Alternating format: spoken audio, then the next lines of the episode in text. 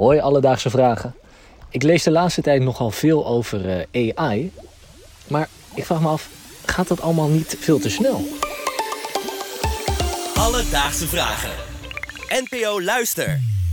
John uit Leiden, dankjewel voor het insturen van je vraag. Merel, de laatste afleveringen zijn er flink wat angsten van jou voorbij gekomen. Gaan we weer. Is de angst voor eh, een onstopbare AI ook een, ja, is dat ook een angst voor jou? Nou, als zelfs mensen als Elon Musk een beetje aan, eh, aan de rem gaan trekken van ho ho, dit gaat te snel, dan ga ik met mijn nul kennis hierover ook wel zweten hoor. Laatst een heel gesprek met uh, ChatGPT gehad alsof het mijn beste vriend was. Toen dacht ik wel, nou dit is wel eng. Ja, klopt. Weet je wat we vroeger hadden? Chatman. Chatman? Ken je die nog? Nee, gelukkig heb ik me daar niet in verloren.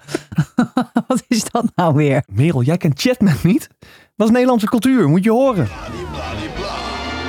ben Chatman, supersnel met MSN. Wat de fuck is dit? Wat deed je hiermee? Nou, dit was Chatman. Hier kon je mee chatten op MSN. Een soort hele primitieve AI. En dat was vroeger echt de shit. Nou, Ron, deze de shit is aan mij voorbij gegaan. Maar uh, thanks, weer wat geleerd. Laten we maar snel teruggaan naar de vraag van John, voordat we verzanden in uh, nostalgisch gebrabbel. En ik legde de vraag van John voor aan technologie-expert Danny Mekic. Hij heeft zich veel verdiept in AI en kon ons ook uitleggen waarom er op dit moment zoveel ophef is over de ontwikkeling van AI. Nou ja, het gaat inderdaad snel, want uh, een half jaar geleden hadden we het nog over kunstmatige intelligentie en dat je gewoon tegen een computer kunt praten en dat er allerlei intelligente antwoorden uitkomen. En inmiddels heeft het bedrijf OpenAI ChatGPT gelanceerd. En niet alleen versie 3, 3,5, maar zelfs versie 4. En je ziet dat iedere keer kan hij weer meer. En waarom het vooral zo snel gaat en misschien ook wel te snel gaat, is omdat we eigenlijk als samenleving nog niet goed hebben nagedacht over de consequenties. Bijvoorbeeld in het onderwijs. Kun je nog wel toetsen afnemen vanuit huis? Kun je mensen nog wel essays laten schrijven? Hoe zit het met scripties? En om dat soort vragen goed te kunnen bediscussiëren en ook na te denken over oplossingen, ja, zijn er dus mensen die ervoor pleiten om heel even de ontwikkeling te pauzeren, om als samenleving heel even wat meer tijd te nemen. Ja, en die, en die scholen is nog een relatief onschuldig voorbeeld natuurlijk. Hoewel, als niemand meer iets hoeft te leren, krijg je hele domme mensen op de lange termijn. Maar ik snap wel wat hij bedoelt. Soms gaat iets zo snel dat we er nog helemaal geen regelgeving voor hebben. Nog helemaal geen alternatieven voor bedacht hebben. Misschien is iedereen zijn baan wel een keer kwijt. Ja, precies. Want ook op dat gebied ontwikkelt AI zich veel sneller dan mensen hadden verwacht. Het zou dus best kunnen dat nou ja, sneller banen verdwijnen dan we hadden geanticipeerd. Dus zijn we als samenleving wel voorbereid? En er is nu dus zo'n voorstel om de ontwikkeling tijdelijk te stoppen. Maar ik vroeg aan Danny, ja, heeft dat wel zin? Is dat wel een goed idee? Nee, ik denk dat, dat, dat, dat de oproep om te pauzeren niet realistisch is. Ten eerste, het is een vrijwillige oproep. Dus ja, sommige bedrijven zullen zeggen, we doen eraan mee, anderen weer niet. Ten tweede, um, is het ook wel een beetje een hypocriete oproep. Een van de personen die die brief had ondertekend was Elon Musk. Uh, en zijn bedrijven zijn helemaal nog niet zo ver als OpenAI met hun ChatGPT-model. Uh, dus je zou ook juist kunnen zeggen dat zo'n pauze gebruikt kan worden om andere bedrijven nog meer voorsprong te kunnen geven op die achterstand. Um, maar bovendien, stel een paar bedrijven doen het. Ja, en dan gaan kwaadwillende bedrijven zich niet aan die oproep houden. En dan zit je over een half jaar alsnog met nieuwe technologieën. Dus die oproep is eigenlijk volstrekt zinloos. Je weet gewoon helemaal niet wat iemands motivatie erachter is. En kwaadwillend, ik weet het niet hoor. Ik kan me best voorstellen dat er zelfs bedrijven zijn die met, uh, met open AI of AI werken, omdat ze daadwerkelijk denken dat daar de toekomst is. Maar dat je ook, zelfs als zo'n persoon misschien over twee jaar denkt. What the fuck, waar zijn we aan begonnen? Ja, zeker. En dat, dat is ook zo, denk ik. We moeten natuurlijk niet uh, doen alsof er alleen maar hele slechte dingen kunnen gebeuren met AI. Ik geloof zelf ook echt dat er positieve kanten aan zitten. Maar ja, hoe wij er met als samenleving mee omgaan, dat is toch. Uh, daar moeten we nog even goed over nadenken.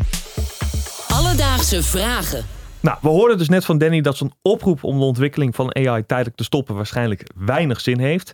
Maar ja, ik wilde deze podcast niet helemaal dystopisch afsluiten. Dus ik vroeg aan hem: wat kunnen we dan wel doen? Ik denk dat het allerbelangrijkste is de vraag hoe we als samenleving willen dat dit soort ontwikkelingen gereguleerd worden. Dus wat zijn de regels waar ze zich aan moeten houden? En wat dat betreft is er al iets heel interessants gebeurd. Hè, want in Italië heeft de toezichthouder op privacygebied gezegd dat OpenAI op dit moment niet uh, ja, online mag blijven met ChatGPT.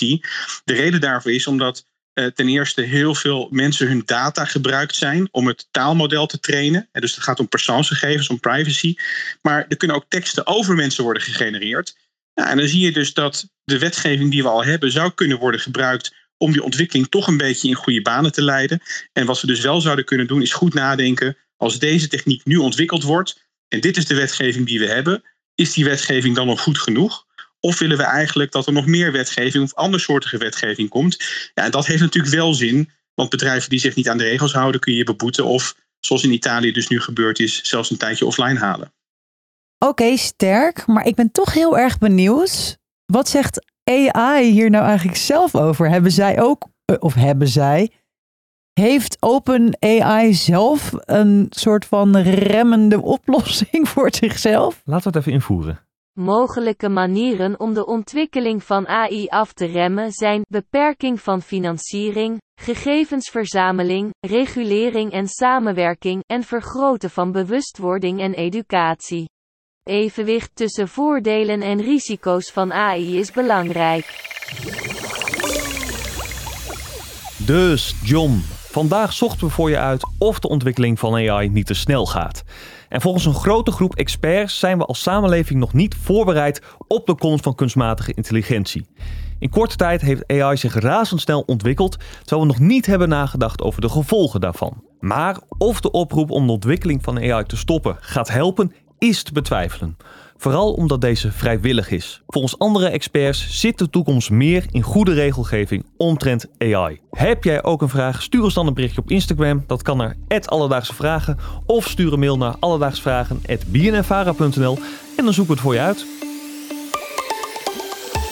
Alledaagse Vragen. NPO Luister. BNN Vara.